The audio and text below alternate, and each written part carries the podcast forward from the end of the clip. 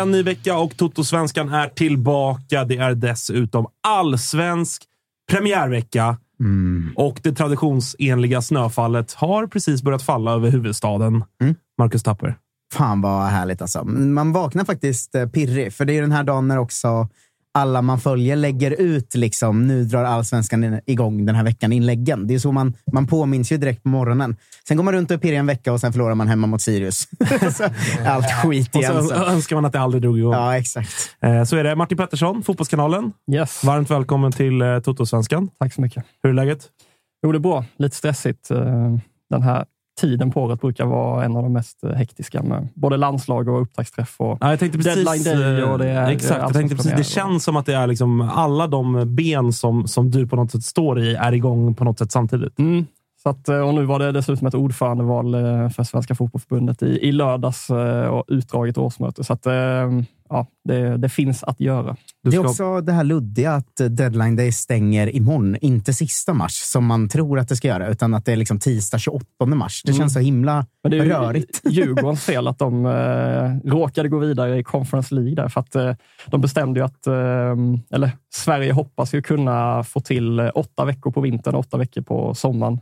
Eh, och innan har man haft då 12 på, på vintern. Men då har man försökt gambla bort fyra veckor just den här vintern för att eventuellt kunna få lägga till dem i sommar då, om eh, den här regeländringen eh, godkänns. Eh, att Sverige då får ha 8 plus 8. Så då har man bara haft åtta veckor eh, i vinter och då eh, var man tvungna att lägga det första, från första februari i och med att Djurgården skulle hinna registrera tre gubbar till eh, Conference League. Så det är därför det inte stänger eh, ja, om Jaha. några dagar. Alla vet, alla vet, som, eh, som eh, det brukar heta på Twitter. Eh, kul att ha det här. Vi ska prata massa landslag, och, eller massa landslag, en del landslag, men också lite kring eh, valet som var. Och, och så ska du få sia lite om allsvenskan. Vi ska också ringa en debutant idag. Eh, Niklas Musko som håller på Halmstad bollklubb. Det blir, det blir kul att ta lite tempo. Du börjar Eh, dåligt HBK. direkt med HBK. Där. Halmstads är ju väldigt viktigt att man ska säga. Ah, Okej, Halmstads bollklubb. Jag ber om ursäkt till alla Halmstads supportrar där ute. Men det är skönt för att alla som vi ringer i de mindre klubbarna heter ju alltid Axelsson och Davidsson och Jonsson och sånt. En Musko är det fan dags för alltså. jag, är, jag är riktigt taggad på Musko. Eh, jag med, jag med. Vi får se. Eh, men eh, Kalle, Jajamän. du fyller år idag. Så är det! Gratulerar! Tack, tack. Det börjar bli dags att sluta säga det nu. Nu, nu kommer eh, åldersnojan eh, smygande. Hur så. många vågar du avslöja hur många år det blir? Eh, två plus 30. Mhm. Okej. Hur känns det? Eh, det, känns, det känns bra ändå. Tror jag. Har du Ja. blivit uh, uppvaktad i morse? Nej. Nej. Jo, eh, nej. Eh, vad fan har jag gjort? Jag har eh, blivit utskälld av en parkeringsvakt. det är alltid något. Jag trodde du skulle säga av Thomas Wilbacher. Nej, det- Thomas, Thomas har såklart glömt att du fyller år. Jag har ingen aning såklart. Gra grattis i alla fall från Tack oss. ska ni ha. Tack ska ni ha. Eh, hoppas du får en uh, ut, uh, ut och äta och så ikväll. Eller Så, så är det. Så är det. Pinchos? Nej. Nej, nej, inte hemma i Vetlanda. Jag, inte. Du vill inte avslöja vart heller? Nej. Nej, jag vet inte. Jag Nej, du vet inte. nej, det är överraskning. Nej, jag vet Angelica ingenting. som har... Så är det. Ja, så är det. fan Så det, det, det, det blir fint. Men man kan säga att det är en bra födelsedagspresent att senaste träningsmatchhelgen som var, som ju blir den sista, alltså genrepshelgen. Varenda av eh, Kalles gubbar liksom startar ju eller kom till fina lägen ju- eller gjorde mål i U21. Det har ju liksom, överpresterats något så in i helvete hos mina gubbar på fantasy. Det är någon i chatten nu som bara, har ni en fantasyliga? God morgon, eh, Kalle Johansson i chatten. där. Det har vi. Eh, vi har en kod till den också, va? Eh, ja, har du den på- grafiskt eller ska Det har jag... jag. Ja, Du har den grafiskt. har jag någonstans. Eh, KU4FCM för er som hatar Exakt, med grafik. små, med, med små bokstäver. Eh, så där, där kan man gå med. Eh, Vad är grejen inför i år? Vad, vad ska man satsa på? Sulle.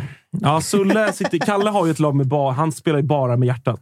Så att han har ju några i varje lag som han av olika, ofta ganska obskyra anledningar gillar. Eh, Persson och Lillbagaren i Mjällby s- kommer med som duo. Eh, Omar Faraj i AIK och så vidare. Eh, men det är väl Ingen i- Tapper som är vår fantasy-expert. Ja, Kalle har ju ingen i Värnamo, för det enda han gillar där är deras arena från och med 2025. Ja. Arenan är min gubbe 2025. Eh, men jag vet inte. Har du några eh, sådär... Har det inte varit så att vissa år är det att man ska ha backar som är jävligt bra och vissa år ska man Jo, ha forward jag tror väl att det är ännu mer så i år, va? Ja, i Att år är väl grejen eh, premiummålvakterna, va? För det är mer poäng för nollor och eh, fortsatt poäng för räddningar. Eh, sen är ju problemet att eh, man får minus ett för varje mål man släpper in som målvakt i år. Förut har man kunnat ha så Degerfors målvakt och tänka han gör mycket räddningar även om man släpper två. Men i år är det alltså minus ett för varje mål man släpper in och mer poäng för nollor. Så helt plötsligt eh, känns det lite som ett krav att sitta på någon jävla Djurgården, eller Bayern eller AIK eller Malmö-målvakt. sådär. Så att, eh, det är väl grejen i år som är svår att komma runt. Och att det finns nå, lite, det är lite för svårt att välja bland premium Alltså det är svårt att ha Besara, Sigurdsson och AC till exempel. Du Mm. måste välja bort minst en av dem och det är ju jobbigt. Alltså. Eh, Ja, verkligen. Eh, På fredag blir det mycket fantasyfokus här i, i Totosvenskan. Då ska vi ha eh, lite gästspel från en kille som heter, på, på Twitter heter Fantasytuben. Som man kan gå in och följa. En expert på, på allsvenskan fantasy. Nog om det. Vi ska också passa på att säga att man bör gå in och regga sitt abonnemang på Simor som är med och gör Totosvenskan möjligt. Eh, som ni vet, Svenska Kuppen med final 18 maj går på Simor, men dessutom Allsvenskan och Superettan från Discovery Plus går på Simor. Och så Champions League, Serie A, La Liga och hela köret. Så att in och regga ert abonnemang där. Eh, Kalle, du har dessutom idag varit och hämtat eh, lite tröjor. Visst är det så? Ja, eh, jag, har, jag har hämtat Ska vi kolla vad det är för en någonting? påse med lådor i helt enkelt. Jag vet fan inte riktigt vad det är. Nej, vi, vi, vi, vi öppnar det här live nu. Det, ni som Ja. lyssnar på det här i efterhand, ni får ha lite överseende med att det prasslar. Och, Jag kan berätta Det är det. sån här ASMR som är ganska populärt. vart har vi... Ska jag ta den kameran? Den kan du eller? ta. Mm. Agge tar nu Så, fram en ser, så ser låda. lådan ut. Ska du öppna en, Tapper? Det står BCF och Barncancerfonden på Extra lådan. syntolkningen. Ja, men det är ju en podd vi Jag släpper. vet det. Eh, så här ser alltså den här tröjan ut. Det är en Barncancerfonden-tröja. Tyvärr slimfit, så jag är out. Eh, Martin skulle kanske kunna få på sig. Vi kan testa sen. Storlek large, så att där ryker jag. Va? Eh, men men väldigt, eh, väldigt snygg. Vi ska säga att det här är en tröja som Nike tillsammans med Barncancerfonden har tagit fram. Och nummer 85, där Nadim på ryggen, det står för att 85 procent av alla barn som drabbas av barncancer överlever. Och att målet såklart är att det en dag ska stå nummer 100 på den här ryggen. Eh, och som ni vet, ni som har varit med oss tidigare, så, så driver vi ju en kampanj tillsammans med Barncancerfonden just nu som har sin eh, kulmen på fredag. Då är det matchtröjefredag, Tapper. Då ska alla människor runt om i landet dra på sig sitt lags matchtröja. Oavsett om man är på jobbet, eller i skolan eller bara hemma. Ta en bild, lägga upp på sociala medier, hashtagga matchtröjefredag och dessutom skänka, eh, swisha då minst 100 kronor till 90 20 900. 90 20 900. Man kan göra det redan nu. Eh, för att vara med i kampen mot eh, barncancer. Jag ska inte avslöja för mycket om vart, men på fredag åker jag ju iväg och gör en eh, söndagsintervju då. Eh, så att jag ska också då besöka en annan klubb i min IFK Norrköping med Peppra bindestreck Bolma på ryggen på fredag. Ja. Det kommer bli eh, fint. ändå. Det kommer bli eh, vä- väldigt också... Det är du och Jocke som ska iväg. Eh, speciellt för den, den klubben ni ska besöka. Ja, att ni kommer med era respektive tröjor på. Men, eh, Men det ska alla göra. det ska alla göra. Väldigt, väldigt kul och viktigt och bra initiativ som vi är väldigt stolta över att vara en del av. Eh, nu släpper vi det och pratar lite fotboll, Martin. Eh, jag tänker att vi börjar med, med landslaget ändå, som eh, spelade i fredags kväll mot Belgien. 0-3 torsk. Men trots resultatet ganska, ganska positiva tongångar från eh, Janne Andersson och, och landslaget. Ja, ehm, någonstans kan jag ju förstå eh, vad de menar och varför de gör så, för att det finns väl ingen mening att gräva ner sig mitt, eh, mitt i den här samlingen. Men eh, eh, ja, jag har en podd med, med mina kollegor Olof och Andreas som bevakar landslaget rätt mycket. Och, Fotbollskanalen On Tour. Exakt, och där har ju framförallt Olof varit inne och jag kan verkligen köpa det argumentet att det hade också varit på något vis skönt kanske och, att någon bara var arg liksom, eh, och ja, visade lite ja, vilja, är väl, eh, liksom, eh, ja, i brist på bättre ord. Liksom.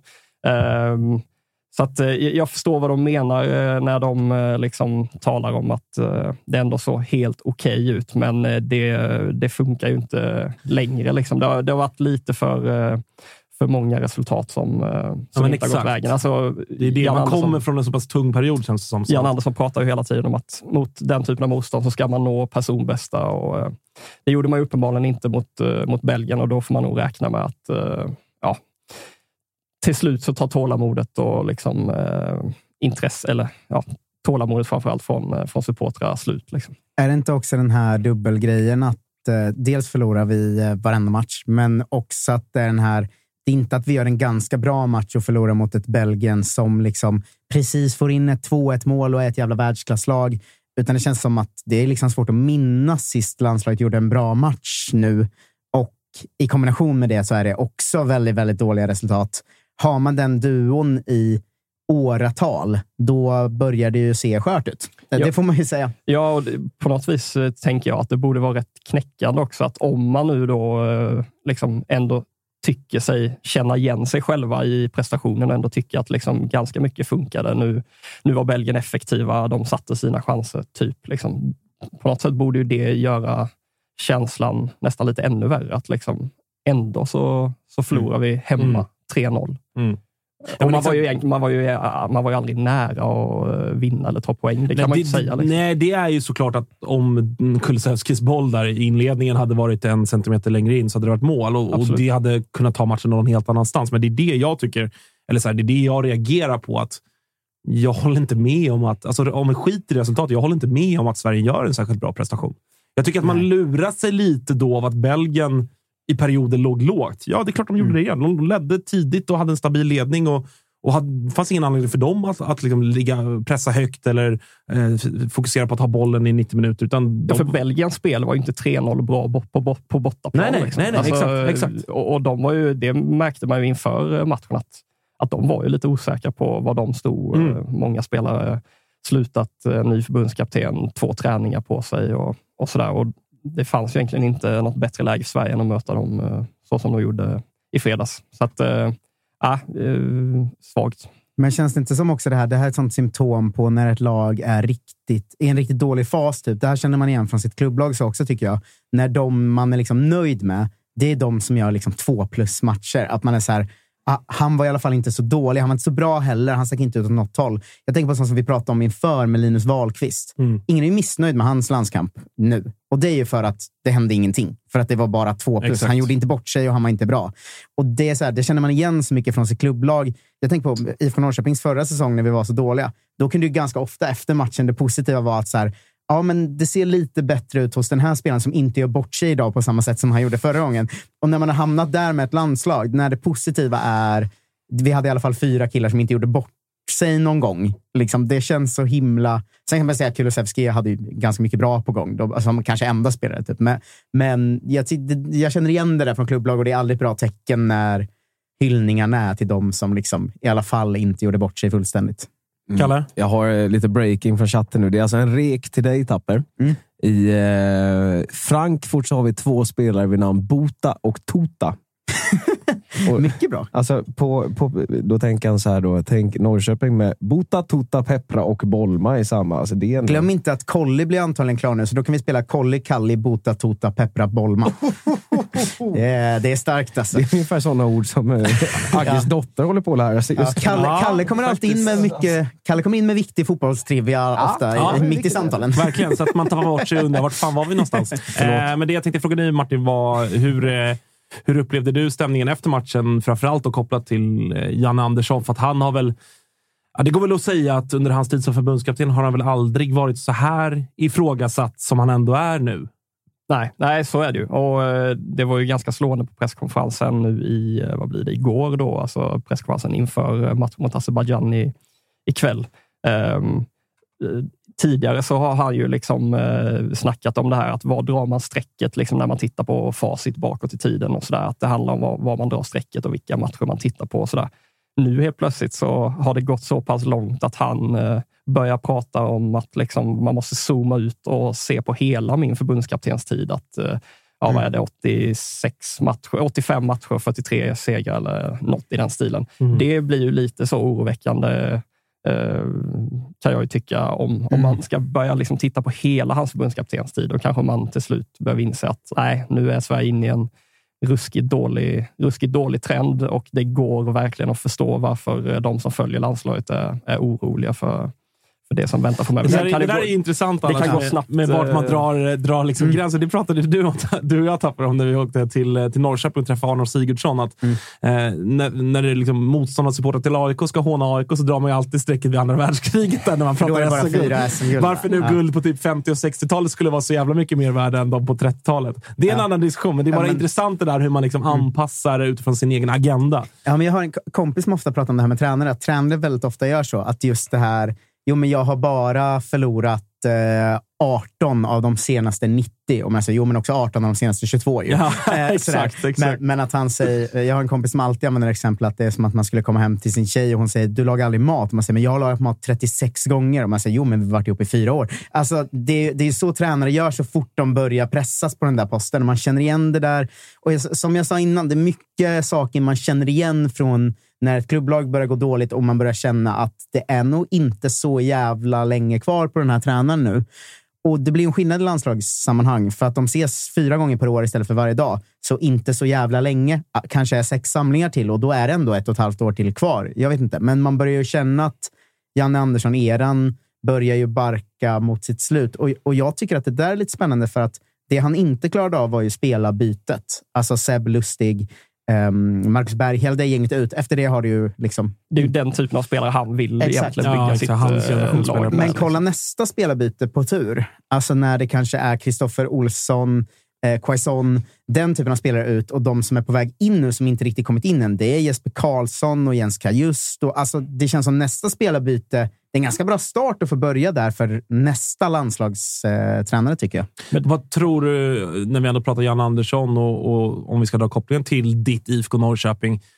Alltså för att jag har så jäkla svårt att se vad Janne ska göra efter landslaget. Ja, jag- Går han i pension eller är han liksom... Tar han inte typ Rosenborg något sånt? Att de gör alltid det, känns det som. Jag tror att han, när han var som hetast eh, i landslaget så var han ju verkligt het Ja, eh, på jo, en internationell marknad. Men då tackade han ju nej till alla den typen av Ja. förfrågningar. Ja, Det viskades Eh. väl om riktigt bra Championship-lag och en del då, va? Ja, jag vet i alla fall att vi skrev om Zenit i Ryssland. Då, Ah, eh, att de hade liksom, eh, lagt ut en krok. Eh, men ja, jag uppfattade honom som att på den tiden så var det egentligen bara att han stötte bort alla former av eh, förfrågningar.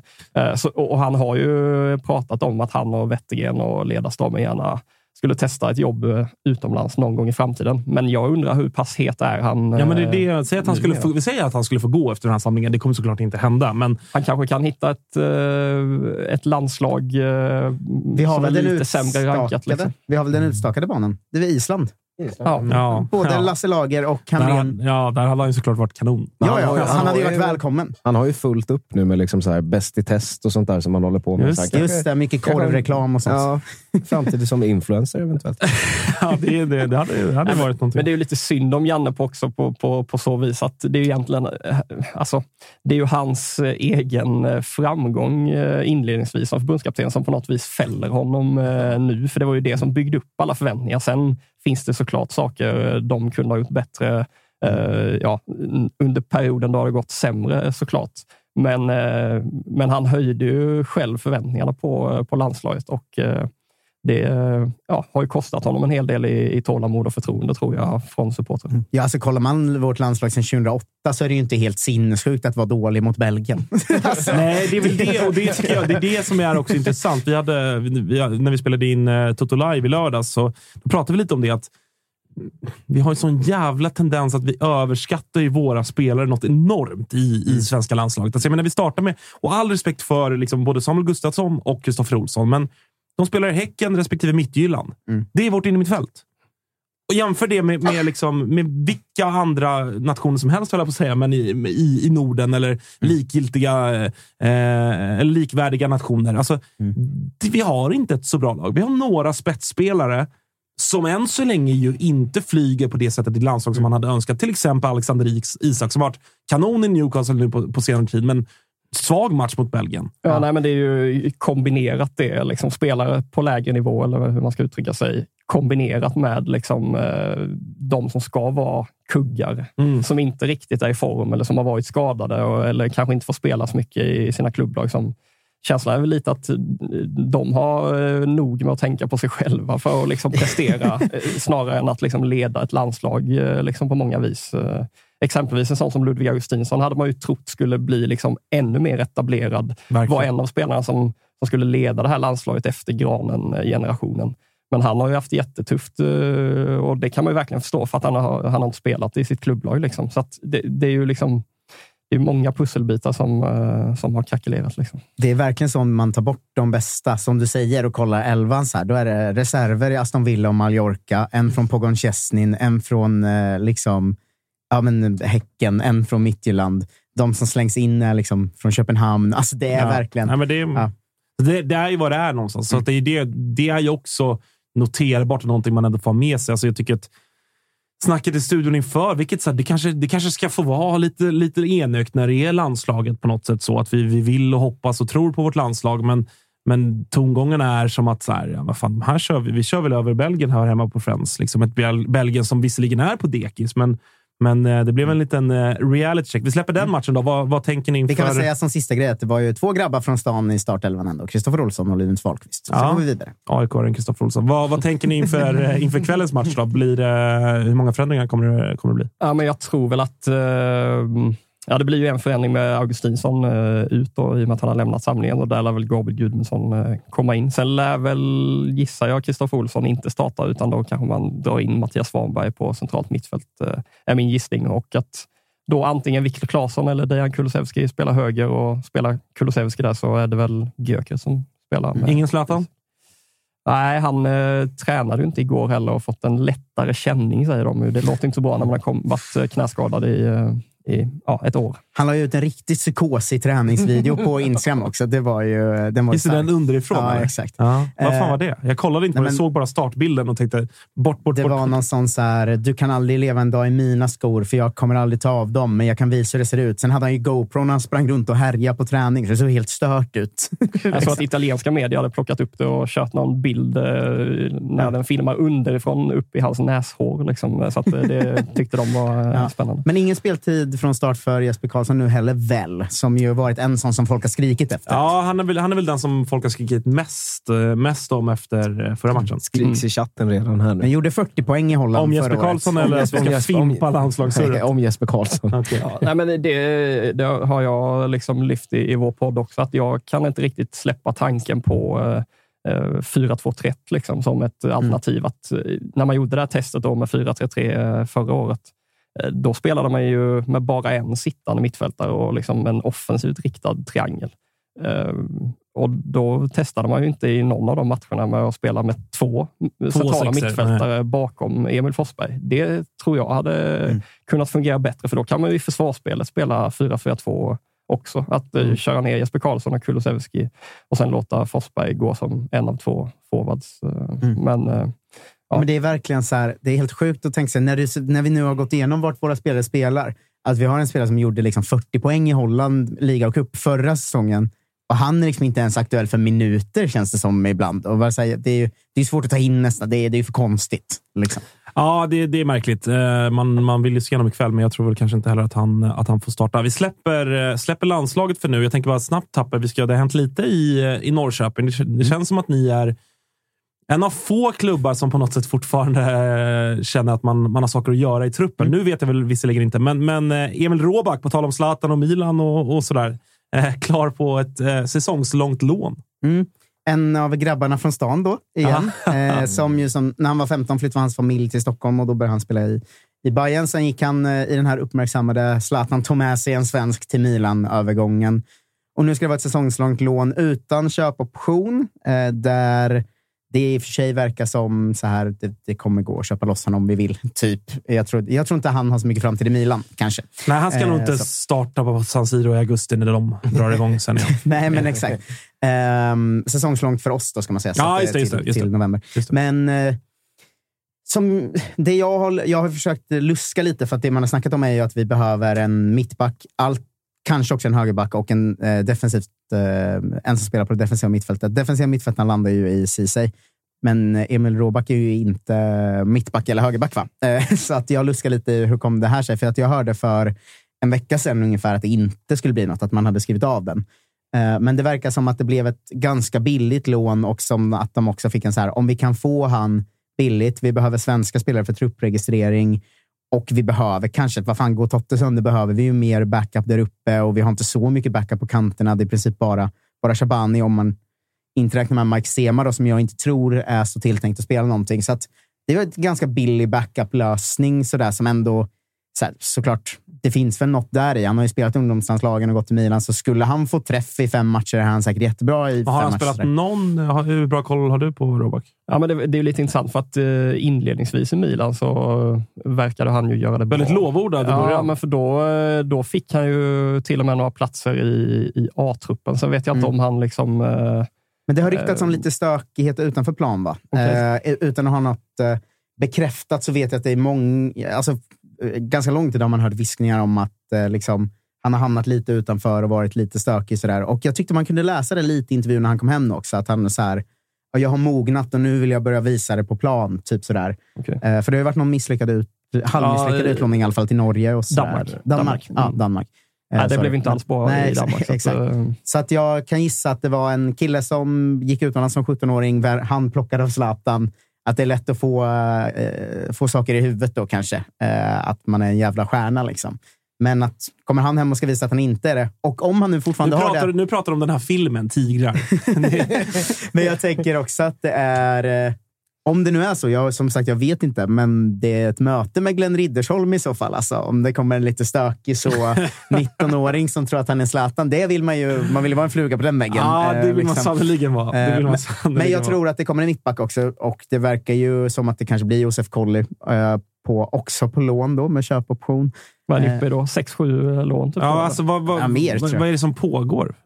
Eh, jag tror att det som pågår är att vi inte har någon likviditet för vi inte fick bort några pengar från Ryssland och vi har heller ingen trupp eh, för att vi har suttit på jättedyra kontrakt med ganska dåliga spelare eh, och, har gjort oss av med dem. Så att vi måste fylla truppen och vi har inte råd att köpa tio spelare, så då har vi köpt tre och lånat sex.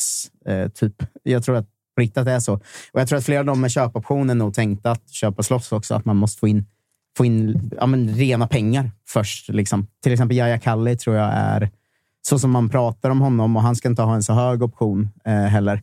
Eh, så som man pratar om honom så pratar man om honom som en, som en framtidsspelare och en av de unga man tror på. Och så pratar man inte riktigt om ett lån på samma sätt.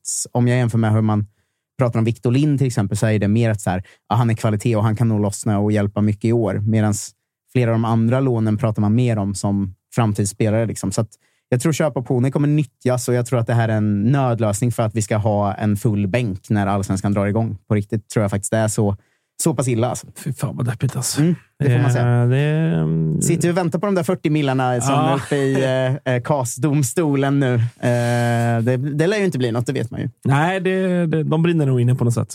Eh, Mm. Vi får väl se. Eh, annars har ju helgens stora snackis varit eh, förbundsvalet. Ny ordförande på plats i, eh, i förrgår, i lördags. Eh, till slut får man väl ändå säga ganska, ganska klar seger för eh, Fredrik Reinfeldt. På sätt och vis. Eh, samtidigt så var, hade det ju bara räckt att eh, Stockholm eh, röstade på Lars Kister, eh, alltså Stockholmsdistriktet. Då. Eh, och så hade Reinfeldt, eller då hade Lars Kister eh, Olsson eh, vunnit valet i, istället. Det var 18 röster, hade ju, satt ju Stockholm på. Då får man ju säga, eller då kan man ju nämna att eh, tre av fyra stora elitklubbar i, i staden då, eh, var för Lars Kister Olsson. Så att, eh, att då Stockholms distrikt eh, Jag sa tre av fyra. Ja, alltså, för BP nominerade ju Fredrik Reinfeldt, så Ja. att BP var ju för Reinfeldt. Och, eh, sen då var ju AIK och Hammarby höjde ju rösten mot eh, Stockholmsdistriktets beslut att, eh, att gå för, för Reinfeldt. Eh, Medan då Djurgården eh, sa väl ingenting på Stockholms årsmöte, men röstade på eh, Lars Kister om jag har förstått allt rätt. Vad, vi har ju pratat eh, mycket om det framförallt förra veckan, men, men även när det kom upp eh, från, från första början att valberedningen nominerade Reinfeldt. Vad, hur ser du, du som, i din roll som journalist, hur, för att den stora kritiken har ju varit mot hur han har hanterat eh, ja, men liksom offentligheten i det här och, och hur han har hanterat media. Nu har han gjort lite grann. Han var i Nyhetsmorgon och han eh, kallade till en presskonferens för någon, någon dryg vecka sedan och, och lite sådär. Men hur, hur ser du på hela hans eh, mediala taktik? För det får man väl ändå anta att en så pass erfaren och klok person som Fredrik Reinfeldt ändå har. Ja, nej, men den är ju, den är ju annorlunda jämfört med, med de andra kandidaterna. Eh, sen har han ju ställt upp och han har ju eh, svarat på frågor. Eh, och Eh, han har haft en hearing då med, eh, med de eh, röstberättigade där, där de också haft möjligheten att ställa frågor till honom. Så, där. så det är inte så att han har gömt sig helt, men han har, det har varit en annorlunda taktik och han har inte tackat ja till liksom, enskilda intervjuförfrågningar så på det sättet. Och han nobbade ju exempelvis en debatt som vi tänkte ha på Fotbollskanalen och i, i TV4, eller på TV4 plattformar på något vis. Ehm, så att, eh, det är ju lite speciellt, eh, men samtidigt när han väl har, har pratat med oss så eh, märker man ju att eh, det är en eh, skicklig retoriker och att han har koll på grejerna. Eh, jag tyckte den presskonferensen som han var med på när han blev, när det aviserades att han var valberedningens förslag, då var han, ju, då var han främst liksom skicklig retoriskt. Liksom, att han var Eh, han, liksom, eh, han tog ju den presskonferensen på ett eh, liksom, ja, skickligt professionellt sätt. Liksom. Nu när han blev vald och under årsmötet så hade han också en presskonferens efter årsmötet. Då tyckte jag att det var någon liten nyansskillnad i att han jag fick känslan av att han var mer förberedd och inläst på själva uppdraget och vad som väntar honom framöver. Och liksom han, han, han var ja, han var mer påläst på det sättet. På detaljnivå på ett annat ja, sätt? Ja, men liksom, det kändes som att han hade ju en tydlig plan. Jag ska gå på den här matchen, jag ska åka på ja. den kongressen, jag ska eh, liksom, jag har eh, liksom bokat in att jag sätter mig i Malmönackan imorgon, eh, alltså i, för, igår. Då. Eh, och liksom, eh, ja, men han talade om eh, uppdraget på ett annat sätt eh, den gången. Så att, men jag, jag, tror att liksom, det är nog att han han skiljer sig nog jämfört med exempelvis då också Karl-Erik Nilsson på det sättet att han det kommer bli mer, liksom, eh, Karl-Erik har varit liksom superprofessionell och, och allt så, och, men han har alltid kunnat ringa eh, och så har, har det liksom gått att lösa en intervju och han, hade, han kunde alltid vara, alltid vara tillgänglig för media och sådär. På samma sätt har han varit väldigt liksom, eh, eh, duktig socialt. Alltså har man ju fått, eh, fått höra eh, ja, men i de här olika forumen där, eh, där de här liksom, maktfolket träffas. Att han, han har koll på alla i distrikten, han känner alla, han eh, liksom, eh, ja, socialiserar på det sättet. Medan då eh, Reinfeldt, eh, som eh, jag förstod bara nu eh, på den kamratmåltiden som var efter årsmötet i, i lördags, då, att han hade hållit en lite lägre profil och att han inte liksom hade gått runt och socialiserat med folk efter, efteråt och så där, så som Karl-Erik gör. Så att jag tror att liksom, han är mer så strikt professionell på något vis eller, och mm. väldigt så eh, um, ja, vad ska man säga? Det, är, det är ja, ett annat sätt att, eh, att vara eh, ledare på. Det tror jag kommer bli en, det kommer bli en skillnad för oss i media och det kommer bli en skillnad för, även för de som jobbar i distrikt och som jobbar i, inom fotbollen. För jag gissar att han inte kommer vara lika tillgänglig eh, eh för den typen av människor heller. Men det är inte sagt att man inte kommer kunna nå fram till honom, men han kommer nog inte fungera på samma sätt som Karl-Erik Nilsson. Nej, det är just, just det här med transparensen, för det är en sån grej som förbundet emellanåt har fått ändå kritik för. Även om jag, jag delar din bild de gånger jag har varit i kontakt med Karl-Alex så tycker jag att ja, men det har varit ganska enkelt. Man kan kunna dra iväg ett mess och så har han sagt absolut, det är bara att ringa. Eh, men vad hoppas du på då rent liksom Ja, men både ledarskapsmässigt, men även kring eh, kanske transparensen. Och så. Vad, vad hoppas du på liksom, att eh, han ska driva, driva för? Eh, vilka frågor tycker du är viktiga? Ja, men alltså, han, han har ju på något vis har, han har försökt svara på de frågorna han kan eller har känt att han mm. ska svara på utifrån ett taktiskt perspektiv inför ett val och sådär. De andra var härligt politiker-sargutade, ja, men, kan man säga. Eh, men ehm, men det är ju ändå så att i och med att han inte har någon bakgrund eh, inom fotbollen på det sättet så, så är det ändå så att han är ett mer eh, liksom, eh, ja, blankt kort än vad Lars Christer hade varit. Alltså då hade man ändå liksom vetat ungefär hur han fungerar i, i fotbollskretsar och sådär. Nu är det ju lite eh, ja, även om man då har gett, gett vissa svar Reinfeldt så är han ju ändå, han är ju han är ju något ovisst. Liksom. Det, är, det är lite svårt att, att veta exakt hur, eh, hur han eh, eh, kommer fungera. Så att, det ska ju bli väldigt spännande att, att följa hur han tar sig an det. Det man kan anta är väl att han nu vet vi att Håkan Sjöstrand, generalsekreteraren på förbundet, kommer lämna. Det man kan anta där är ju att Reinfeldt kommer vara noggrann i att plocka in Anders Borg. Nej, men sin, sin, verkligen sin generalsekreterare.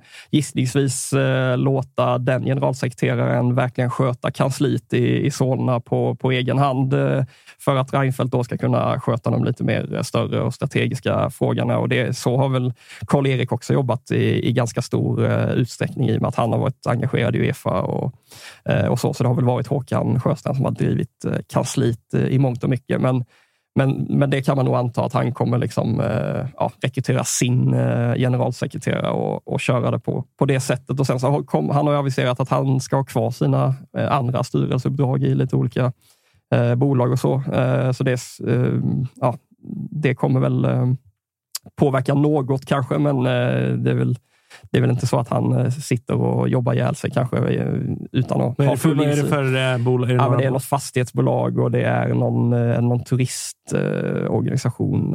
Och, ja. Här har han gjort, gjort researchen. Ja, Om det dyker men, upp några konstiga ja, nej, men, så, så det, vi, vi, får väl se om... Det finns en del som kanske gissar, som jag har pratat med, som gissar att han kanske ändå vill söka sig till de mer internationella liksom, forumen också. Så och jag menar, en tidigare statsminister slår ju högt eh, även i de korridorerna gissar jag, så att eh, han kanske kan få en eh, Uefa eller Fifa-plats eh, framöver också. Han skulle på Uefa-kongress tror jag det var. Han hade bokat in här nu i nästa vecka. Så att, eh, ja, vi får se vad, vad han tar vägen.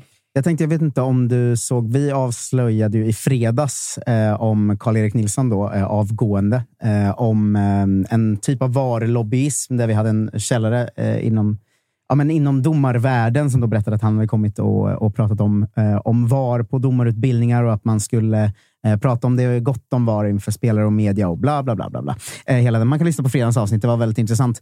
Eh, jag råkar också veta att eh, jag fick, eh, fick OK att säga också att jag vet minst ett stort media som har eh, försökt göra något på det här och sökt Karl-Erik som har duckat den, den kulan sedan dess. Liksom.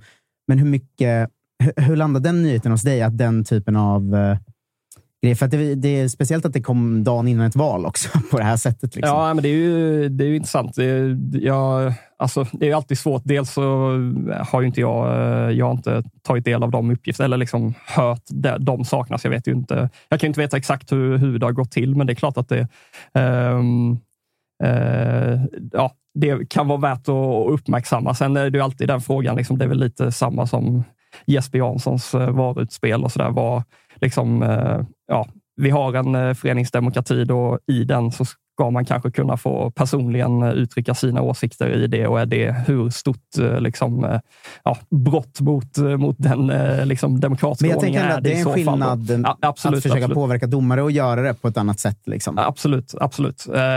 Men som sagt, där är ju, ja, jag har inte varit, tyvärr inte varit i, i det rummet exakt hur han har formulerat det. det Eh, men men det, jag, jag tror inte det, det är ingen hemlighet liksom att eh, Karl-Erik Nilsson vill, vill ha VAR och han eh, nu hoppar han av det här ordförandeuppdraget, men han sitter kvar i Uefas exekutivkommitté som vicepresident i två år till. Och ja, om vi ringer Uefa och frågar om de vill att Sverige ska införa VAR så tror jag nog att vi... Ett rungande ja, ja tror jag. så att, ja, det... Ja, inte förvånande ändå skulle jag säga. Men eh, för det jag tänkte på var med Reinfeldt, då, att han svarar ju ganska sargutigt om VAR. Att så här, han svarar väl dels något om att så här, ja, men det blir bara en till process för domarna, men sen att ja, vi kanske också måste ha dem alla andra ska. Så att han svarade lite sådär. Det är väl att han vill, eh, han, det, liksom. han vill väl inte eh, göra sig fiende med något av lägena för att nu ska han åka iväg på en Uefa-kongress och mm. liksom, han vet inte exakt vad som väntar honom i, i de forumen exempelvis. Och sen å andra sidan har han liksom hela eh, supporterkollektivet eh, liksom, här hemma i Sverige. Och, eh, det kan jag tycka är, är intressant att han, eh, både på den presskonferensen, den första presskonferensen han hade och nu när han ehm, eh, blev vald också, att han det är på inget sätt så att han eh, förnekar beskrivningen av att eh, liksom, många supportrar till elitklubbar på här sidan framförallt då, är kritiska till honom. Ehm, ehm, så det är ändå lite intressant att ha med sig det, för det, jag får lite känslan där att han, han är fullt medveten mm. om det. Och hade jag liksom tagit över en ny post så som han i, i det läget så, då hade inte jag gjort eh, liksom, för, det första jag hade gjort. Gått i clinch med dem Nej, direkt, exakt. Då hade ju inte jag gått i clinch med dem, utan då, han pratar ju snarare om att så här, jag måste eh, jag ska visa att jag eh, förtjänar deras förtroende och, och Mm. stöd. Liksom. Så att, eh, eh, man, kanske ska, man kanske kan tolka in eh, att han ändå eh, vill försöka förstå eh, den Mm. sidan också och mötas någonstans. Eh, så att jag vet inte om liksom, eh, supportrar eh, så behöver liksom sitta och vara jätteoroliga över just de frågorna, i, i alla fall på kort sikt. Liksom, Men det var typ känns det jag lite, ville- det känns lite dumt om han skulle liksom bara gå Köra pang på och få massa skit på sig. Liksom. Ja, men för det jag ville landa lite också, att vi är så supporterdrivet media i mångt och mycket och alla vi kommer från supporterhåll och följer mycket andra supportrar och sådär. Och då är det ju alltid det är ju liksom, åh nej, nu kommer vi få VAR och fuck, nu försvinner 51%-regeln. Det är liksom, det är liksom de enda två ingångarna supportrar har på det, nästan allt hela tiden. Och jag älskar det ju såklart, för det, det, det är liksom den kampen lever varje dag, att det aldrig ska bli så. Men du som följer det närmare från ett annat alltså journalisthåll, eh, vad tror du är de frågorna som förbundet tittar mest på just nu, eller närmsta fem åren? Liksom? Ja, men alltså, eh, dels så, eh, jag tror inte 51 frågan är, den är inte aktuell i, i Sverige idag. Det är liksom, ja, det, det, det finns inte på bordet just nu, så jag tror att man kan vara ganska lugn. Den som, den som vill ha kvar 51 regeln tror jag kan vara ganska lugn. Eh, det som är eh, liksom viktigt just nu för distrikten och sådär som, som eh, det var en motion inlämnad till årsmötet nu då som handlar om, från Göteborgshåll då, om, som handlar om att breddklubbar borde få ta del av 25 procent av eh, tv-rättighetspengarna eh, som eh, allsvenskan och superettan får. Så det är ungefär 120 miljoner om året då, som skulle bara tas bort från elitklubbarna och sippra ner i systemet. Eh, och den frågan, liksom, allt handlar ju om att liksom, föreningarna ute i landet eh, kämpar med resurser och inte har, eh, har pengar. Liksom. Eh, vad det fan, min klubb har ett driftunderskott på 30 millar i år. Vi behöver dem där också kan jag säga. Ja, nej, men själva den tanken att man ska dela med sig och att det är liksom svensk fotboll är, är stor och att liksom det är allas pengar någonstans. Den kan man ju liksom sympatisera med. Men jag tror att det liksom eh, nu röstades den ner på så vis att frågan skjuts på framtiden så att det, ska, det har tillsatts en utredningsgrupp och eh, den ska dels då på ordförandekonferensen, alla ordförande för olika distrikt och så där träffas eh, senare i år. Då ska man diskutera det vidare och sen så ska frågan eh, lyftas på nästa årsmöte. Så den frågan liksom kring resursfördelning, eh, distriktens och föreningarnas liksom framtid och överlevnad och sådär.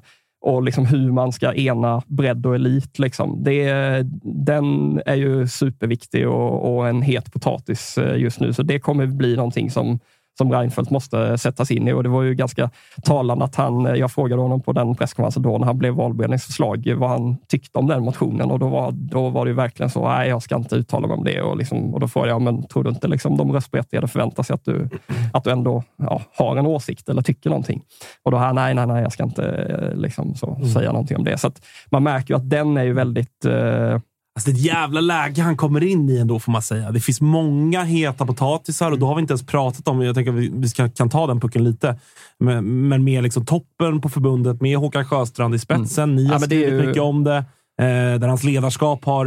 Det är väl Anonyma källor va, som, på förbundet som har pratat om att det hur dåligt arbetsklimat det har varit. Och, ja, men, ber- berätta lite, vad, Ja. vad är status där? Ja, men det kan man verkligen säga att det, det är ju en annan sån viktig fråga som säkert kommer ta mycket tid för, för Reinfeldt att liksom rekrytera en ny generalsekreterare, se till att eh, kansliet eh, liksom, eh, har det bra och får det välfungerande.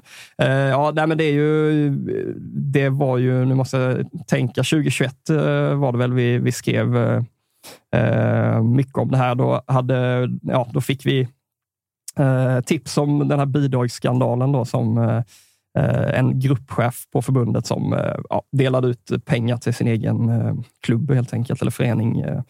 Ja, och det, det var många turer och stökigt i alla fall och eh, då SVT avslöjade det och sen så jobbade vi eh, vidare på grejen och eh, då kunde vi ju berätta att det också fanns liksom, ja, många eh, på förbundet tycker att det råder en tystnadskultur, att man eh, är missnöjd på, på jobbet och arbetsklimatet är, är dåligt och det är liksom toppstyrt. Och, och, så. och sen så eh, fick vi ju loss en eh, medarbetarundersökning. Då måste jag tänka det var eh, i, kan det varit sommaren i fjol, tror jag.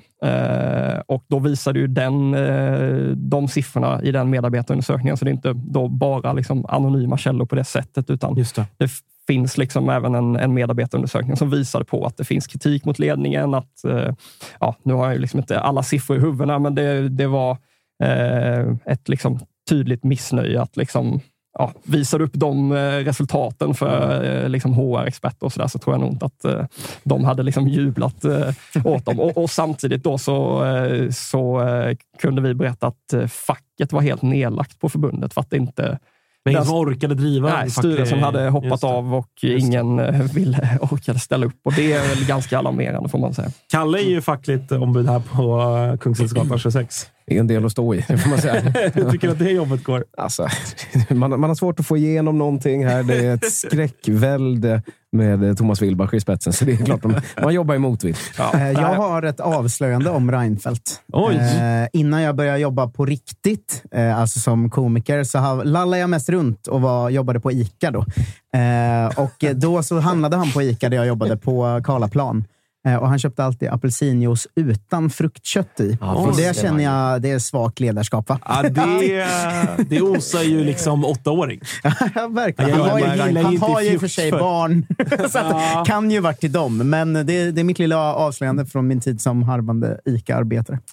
Spännande. Eh, var du klar Martin, eller vill du ta någonting mer kring... Eh, Ja, nej, men man kan bara nämna det här snabbt att på årsmötet nu, eh, ja, avgående Håkan Sjöstrand då, eh, var väldigt glad över att eh, kunna dra upp nya siffror då från en ny medarbetarundersökning om som var Ja. jättefina siffror och eh, sa att det finns nog folk som borde vara uppmärksamma nu och sen så vände han sig mot mig och min kollega Olof på, på årsmötet. Så det var en tydlig passning, men då var det lite intressant att det var folk som reagerade på att undersökningen hade bara liksom kollat på om man är nöjd med sin närmaste chef. Och då var det väldigt eh, goda poäng, men eh, eh, ja, Håkan är ju inte chef, alltså närmaste chef till, till alla. Så det går väl att vända och vrida på det där, men, men det är väl i så fall positivt om det är bättre läge på förbundet nu.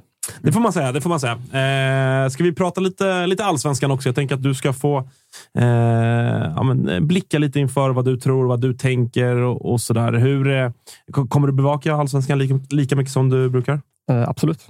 Hur är det eh, på Fotbollskanalen? Eh, alltså, i, I allsvenskan, står det sig starkt eller lika starkt eller starkare mot till exempel Champions League vad gäller intresse och, och så? Är den hetare än någonsin som man säger inför varje säsong? Ja, men det är lite intressant. Jag var precis på eh, en eh, kickoff. Eh, vi har fått en ny chefredaktör och vi kickade igång året lite, eller säsongen, precis nu idag. Och utan att jag ska avslöja alla liksom, interna siffror och så där, så kan jag ju säga att vi fick en sammanställning för ja, hur bra saker och ting klickar och där är det ju eh, överlägset så att allsvenskan och Premier League då är, eh, är det som liksom, eh, ja, det är det som drar eh, mest eh, intresse. Och det märker vi ju att liksom allsvenskan bara, det, liksom, det bara ökar och ökar och ökar intresset. Och vi startade ju igång Eh, deadline day-sändningar exempelvis på svenska fönstret sista eh, dag förra året och det blev väldigt lyckat. Så vi, vi kör nu eh, i, imorgon igen, 17 till eh, över midnatt. Så Gusten Dahlin som eh, folk eh, i den här podden gissningsvis känner till är programledare och sådär. Så att, eh, det ska bli eh, skoj. Så att, eh, att vi då kan liksom göra den typen av eh, satsningar och inte bara liksom eh, bry oss om den här stora internationella deadline day och sådär när, när ligorna ute i Europa stänger är ju, är ju ett tecken på att, eh, att det, ja, det är stekhett. Jag Då ska- jobbar vi in sju lån till imorgon. Ja, exakt. exakt. Jag ska inte heller avslöja några siffror, men jag, jag sitter ju bredvid er redaktion på, på TV4-huset och kan, kan ju bara avslöja att det äts tårta väldigt ofta. Som någon form av sätt att fira. Ja, äh, väldigt ofta är väl att ta i. Ja, men ganska- eh, ofta. Ja, ja. Nej, men, Det var några eh, heliumballonger sist jag var inne. Var det hel? Ja, men eh, då när vi firade Fotbollskanalens eh, superrekord, eller? Ja, exakt. Ja, ja. Nej, Så det men- går bra. Det är ändå Ja, härligt går- barnsligt att ni jobbar heliumfirande på det Ja, sättet. men det, var, det var just att vi hade någon, eh, några sjuka veckor där in mot eh, fönsterstängning på, eh, på de internationella fönstren i, i somras. Och då var det väl stekhett i allsvenskan om jag minns det rätt. Och sen var väl Europamatcher och det var... Eh, mm. eh, ja, det hände ju massvis där. Ja, just det. Och så var det EM samtidigt också. Mm. Eh, så det var ju liksom... Vi bara liksom slog liksom rekord på rekord på rekord och då blev det liksom eh, så dumt att liksom så här, chefen lovade så här, men vi, vi, vi firar det med tårta framöver. Liksom så. Sen så slog vi det rekordet igen och så, då blev det liksom så här, nej, nu får vi göra en ordentlig fest av det. Så det, var, det var därför det blev eh, ballonger. jag, jag jobbar ju oftast kväll, så jag var ju bara inne och sög i de där heliumballongerna sen på kvälls, eh, kvällskvist. För dig själv. För dig själv. Det är inte, ja, det är, det är inte sådana ballonger. nej, nej, men det var man får ju rolig röst. Man hörde från ett rum där inne hörde man ett jävla fnissande och. exakt, exakt så. Exakt så. Eh, men eh, vad, vad, tänker du annars inför säsongen? Då? Vi, hade, vi ska, behöver inte prata mer om upptaktsträffen, men eh, bara påminna. Djurgården tippades som eh, som segrare. Mm. Hur, det tror jag inte de hade gjort, för det är ju så vi i media lämnar in det tipset, ja, vad var det, kanske en eller två veckor innan mm. upptaktsträffen. Ja, visst hade det varit... Det hade nog varit Häcken i topp. Nej, inte jag. Ag Agge lämnade in sitt tio minuter innan. Ja, så jag gissar att det inte registreras. Det stod “Tack för din röst”. Ja. ja, det kanske var med. Nej, men jag tror att det hade varit ett annat resultat. Att Häcken gissningsvis hade varit tippa detta Eh, det var ju lite speciellt. Det var upptaktsträff dagen mm. efter Djurgården-Häcken. Eller Häcken-Djurgården. Ja, exakt, eh, exakt. Så det var ju liksom eh, säga det till Thomas Löjde. Var ni favorittippade? Och så var han mest bara liksom less, kändes det som, över, ja. över Häckenförlust. Men känns det inte som det är dags att sticka ut hakan åt andra hållet nu? Att nu har vi hypat Häcken nog snart. Ja, alltså. det är lite för många som håller med. För att, för att alltså, de är ju hur bra som helst här och nu. Men nu har jag alltså både sett och hört folk som börjar gå på så här, att de kommer vinna allsvenskan med 5 till 10 poäng. De kommer gå ut i Champions League. Det är en flopp om de kommer tvåa. Alltså, nu börjar vi ändå vi börjar tassa på att det på en vecka har vänt lite väl mycket åt att de är liksom Barcelona och näst bästa laget två åker här. Alltså så överlägsna är de inte nu. Liksom. Ja, det... Eller håller ni med om att det har vänt lite ja, mycket nu? Liksom? absolut. Och det, det som är, jag kan tycka är lite intressant är att jag var och bevakade dem på, i Marbella på, på deras träningsläger och satt ner med, eh, med både Per-Mattias Högmo och Simon Gustafsson eh, då. Och då, då minns jag att jag frågade lite om liksom Champions League-kvalet liksom, som kommer framöver. Och då var ju... Alltså, Högmo var ju liksom han ville ju liksom börja dansa typ när jag liksom började nämna Champions League och var helt, helt liksom överlycklig över att de ska in i Champions League och liksom, mm. eh, var väldigt tydlig med att det är den stora moroten i år. Och, eh, Simon Gustafsson var inne på att liksom, vi får kanske liksom köpa att liksom det mycket till de matcherna vi kommer vara liksom den där extra eh, taggningen. Vi kommer ha, att vi kommer vara extra taggade inför den. För att om, om man liksom bara är lika taggad inför varje match, så då får man aldrig till det där liksom extra extra i, i de liksom, ja, speciella matcherna så att säga. Mm. Och Jag tänker ändå att kommer det inte liksom omedvetet då bli lite liksom mentalt fokus som riktas just mot Europa när man väl får chansen mm. och har vunnit guld för första gången. och sådär. Mm. Att, att, lite den aspekten, eh, inte nödvändigtvis att de inte ska klara av det fysiskt eller att eh, rotera i truppen eller sådär. Men, men just att eh, att det ändå mentalt kommer smygas in liksom något fokus mot Champions League. Att då kan det bli svårt att... Jag säger inte att de kommer bli sjua i allsvenskan, men man ska faktiskt liksom... Mm. Mm, man ska ja. ha med sig det, att de, eh, precis att de på något sätt ändå ska dubbelspela tydligast av alla. Totosvenskan är sponsrade av Aid. Och då kanske ni undrar, vad är det för någonting? Jo, det är en digital klinik för manlig hälsa från Sverige som drivs av att erbjuda seriös och bra behandling för manliga hälsoproblem. Och Det är grundat av exakt samma läkare som byggde Kry. Jag har lite koll på ungefär vad detta är, men ni funderar på behandling för manliga hälsoproblem, eller hur? Ja, nu är det 2024 och då är det så här man löser problemen. De är otroligt seriösa och väldigt diskreta. Det tycker jag är viktigt. De förser idag över 5 000 svenska män med medicin och de har 4,7 på Trustpilot med över 500 omdömen. Det är det enklaste sättet att få recept och läkemedel. Det kommer hem i brevlådan på prenumeration om man vill. Seriöst och enkelt. Det tar 10 minuter att lägga en beställning på aid.se efter att man har fyllt i ett kort formulär och de hjälper dig att välja medicinen. Din medicin ligger sedan i brevlådan inom 48 timmar. Uppföljning ja, det sker via chatt och man kan enkelt ändra hur ofta man vill ha sin medicin eller om man bara vill ha det en gång. Då kommer vi tillbaka till då, manlig hälsa. Ja, de är proffs på manlig hälsa. Så till exempel så har de effektiv behandling för eh, håravfall, viktnedgång med aptithämmande läkemedel och, lyssna på detta, erektionsproblem. Jag vet, det är många som lyssnar på detta som har erektionsproblem och det kanske är ett jobbigt samtalsämne. Men det lyfter vi jättegärna hos oss. Har du helt enkelt problem, jag talar klarspråk, med att få stånd, då hjälper Aid dig. Det enda du behöver göra, om detta låter intressant, gå in på aid.se. Sveriges ledande digitala klinik för manliga hälsoproblem. Du måste vara över 18 år gammal och just nu får du som Toto-lyssnare fri läkarbedömning när du påbörjar din behandling på aid.se. Tänk på att aid stavas A-Y-D. Adam, Yngve, David alltså. AYD.se är det som gäller. Använd bara koden TOTOSVENSKAN i kassan. Vi säger stort tack till aid för att ni är med och inte bara hjälper många män med deras hälsoproblem utan också är med och stöttar Totosvenskan. Totosvenskan är sponsrad av MQ. Nu har kollektionen från Bleck som heter Desert Sunset kommit och den är snygg, Spången. Ja, men så är det. Vi har fått välja ut några av våra favoriter från den här kollektionen. Jag valde ju en klassisk, men för den delen väldigt, väldigt snygg linnekostym. Lite beige, ljusa färger, vårens färger. Klassiska Eh, skjortor finns, Aj, aj, aj. eh, poloshirts och så vidare. Ja. Någonting för alla. Så att gå in nu hörni allihopa på mq.se eller i någon av landets alla butiker och kolla på de här nya grejerna som har kommit nu till våren. Just nu har vi en kod, TOTO20. Den ger 20% rabatt på alla egna varumärken för här om du handlar för minst 500 spänn. Bleck, Dobber, Bondelin, ni hör ju. Koden gäller till och med 24 mars. Skynda, handla. Stort tack MQ! Totosvenskan är sponsrade av våra vänner på Volt, Freddy. Det här vet jag att du är väldigt nöjd över. För att det är ett företag som har sitt ursprung, precis som du, i Finland. Exakt! Ja. Och det är så himla bra med Volt att du kan beställa mat hela vägen till dörren. Du kan beställa från din favoritrestaurang. Du kan beställa från en matbutik. Men de har ju också den här extra, extra grejen att du kan beställa blommor hem. Du kan beställa kosmetik.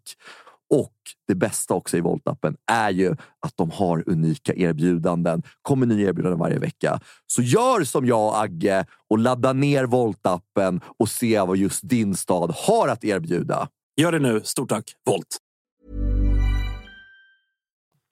Eh, innan vi fortsätter med det har vi en breaking från Gossip Ladan. En till? I programmet. Det är En, händer. en, eh, ja, Men men de, bättre än Ica-storyn eller? han skickar ju in lite ibland. Han, nej, men Ica-storyn är svår att slå. Det är en granskning på ett annat sätt. Eh, men här är en nyhet eh, där Josip då avslöjar att det irakiska fotbollsförbundet har bestämt sig för att gå all in gällande pappersarbete för ett landslagsbyte gällande Hammarbys stortalang Montader Majed. Okej. Det är ändå spännande. Jag, jag pratade med Montader eh, på, deras, eller på samma träningsläger i Marbella då också. Då var han väldigt tydlig med att eh, bara Sverige som gäller. Så att, Eh. eh, och att Irak redan hade hört av sig. Att, Josip eh, skriver också det, det att Majed vill representera Sverige här och nu och i framtiden. Men att Irak, irakierna går hårt på Majed nu, tydligen. Ja, och man vet ju också att Hammarbyarna kommer ju elda på att han ska in i landslaget här nu när som helst. Och så kommer det bli en grej av att, att han inte har blivit uttagen, vilket han såklart inte ska bli här och nu. Eh, och så kommer han välja Irak ändå för att eh, de unga spelarna idag inte har något tålamod. Det är, det är så det kommer se ut. Ja. Eh, men ja, där ser man. Eh, Gossipladdan är med oss trots att han inte är på plats. Eh, vi, vi har ju pratat mycket om, eller det, det är ingen hemlighet, att det ganska tydligt har blivit någon form av topp fem, kanske topp sex om man vill inkludera Elfsborg. Vilket av de tilltänkta topplagen tror du kommer överraska negativt? oj, att alltså så här, det är, det är i, alla fall, i alla fall två, kanske tre av topplagen kommer ju vara väldigt besvikna över sin tabellplacering. absolut. Det är en omöjlig ekvation i allsvenskan så som, så som den Mm. eh, ser ut idag. Nu är det kanske lite annorlunda år i och med att Norrköping det är väl inte förväntningarna Nej, kanske topp fyra exempelvis som det har varit eh, eh, tidigare. Men eh, överraska negativt. Är Vi det- har ju sagt, om man ska säga förutsättningar, jag tror vi har kommit överens om. Jag vet inte om det är utanför programmet eller i programmet, men det är att det finns fem lag som kan sluta etta till femma. Ja. Eh, men också sex lag som kan sluta tvåa till sexa. Exakt. För Elfsborg kan Elfsborg sluta kan tvåa till vinna, sexa, men men inte tvåa. vinna. Exakt. Det är där men våra det- förutsättningar är. Ja, men det är en rimlig, en rimlig eh, tanke. Eh, jag tror inte Elfsborg kommer räcka till. Eh, alltså fan, det är ju så klassiskt att man sitter och säger det, men, men eh, det känns som att det finns andra lag som är snäppet bättre. Sen, eh, Men två jag, av Stockholmslagen, Malmö och Häcken, ska ju missa topp tre. Mm, Vilket av dem tror du löper störst risk att göra det? då får jag väl ändå säga AIK. Då. Ja, det är ju rätt såklart. Mm. Men, eh, Men, men eh, samtidigt så tycker jag att det, de, det finns något eh, det finns något intressant där, lika väl som det finns något intressant i, i det eh, Hammarby håller på med. Men det är klart att eh, Alltså det, jag, jag tycker ändå att det, det är lite spännande att liksom, eh, sen Eh, det, det blev det här liksom skiktningen i, i tabellen så jag har inte riktigt kanske känt att det är liksom tre så tydliga liksom, topp tre-favoriter i det här. Eh, som ja, På senare år har det inte riktigt kanske varit så att man är det inte nästan att man förväntar sig att eh, Häcken, Malmö och Djurgården ska bli de som slutar topp tre? Eller?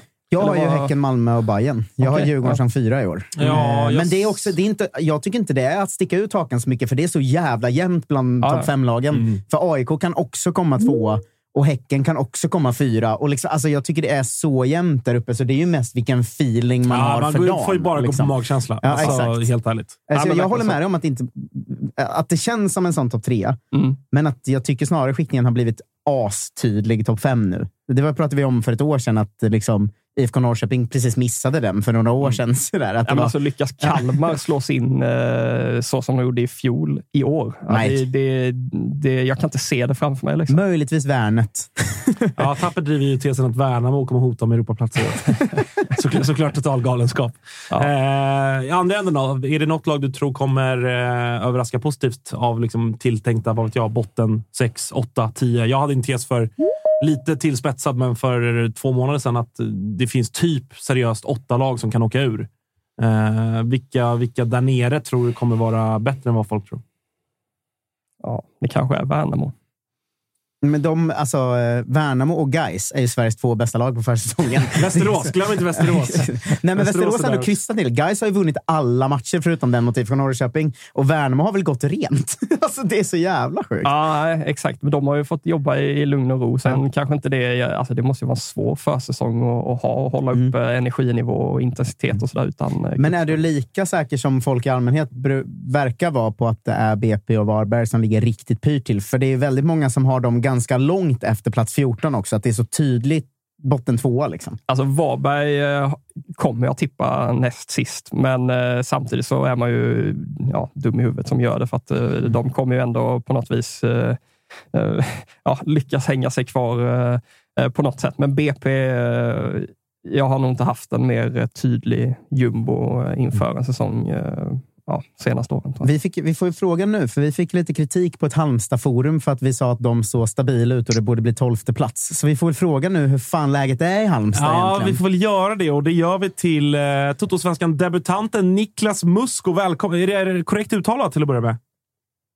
Det är så jävla bra uttalat så du anar fan inte. Fan ah, vad fint. Jag blev, Två svordomar i första meningen. Det här är min gubbe i Halmstad. Alltså. Min gubbe i Halmstad. Jajamän. jag blev ju tillrättavisad här av eh, Martin Pettersson från Fotbollskanalen som sa att eh, det är viktigt att, man- att man säger Halmstads bollklubb och inte Halmstad bollklubb. Men det heter ju Halmstads bollklubb och inte Halmstad bollklubb. Så det är helt rätt Martin. Ja, det är bra. Det är bra. Hörru du, eh, hur går jag som aik måste ju också fråga hur biljettförsäljningen går inför, inför söndag. Blir ni några hemmasupportrar eller ska vi köpa upp fler biljetter? Ja, det är så jävla kul för jag bor ju i Stockholm också så får man mycket eh, rapporter hemifrån. Bara, Shit, det kommer bli fullsatt och, och det bara, men ni fattar ju att det är 95 procent är ju bara gnagare. Allting. Men det senaste jag hörde så är det över 8000. Eh, och så mycket har vi inte haft på, på Örjansvall på jag vet inte hur länge. Hur, Så det är alltså, skitsamma om det är AIK eller om det är HBK. Det är kul att det går mycket folk på Sveriges absolut finaste arena. Så att, eh, jag är bara glad. Jag håller faktiskt med om det. Alltså, kanske inte den, den finaste, men den är där uppe. Den ligger fruktansvärt eh, vackert, Örjansvall. Jag har ändå goda minnen därifrån. Fra- 2015 tror jag det var, när eh, Mohamed Ali Khan gjorde ett ofattbart självmål i 93 minuten och eh, höll AIK kvar i guldstriden. Åh, fy fan. Dina goda är mina dåliga. Ja, så, exakt. tyvärr. Eh, Men hör du Niklas, hur är, hur är annars eh, känslan och pulsen? Ja, men så här, en, en knapp vecka kvar till, till premiär. Vart, eh, vart står Halmstad någonstans? Ja, men vi står väl typ där man förväntar sig att vi ska stå egentligen. Alltså, de senaste två matcherna är två lika matcher mot eh, Elfsborg bland annat. Eh, och, eh, alltså, spelet har ju sett ut som det brukar göra på försäsongen. För jävla dåligt. eh, och, eh, men Halmstad är ju också ett lag som är ganska bra mot bra motstånd. Vi, alltså, jag brukar alltid jämföra HBK med, med landslaget på något vänster. Eh, att vi bröstar upp oss mot typ liksom storlagen och de som går bra. Och sen så möter vi, liksom, jag hörde att ni namedroppade fina klubben Tvååker innan. Och då går det liksom åt helvete. Så att eh, vi är väl där vi ska vara. Det har gått lite knackigt på försäsongen. Några skador nu i senaste träningsmatchen som känns lite oroväckande. Men eh, äh, det, ser ju för, det ser ju skit ut. Men det ser, jag är ändå hoppfull.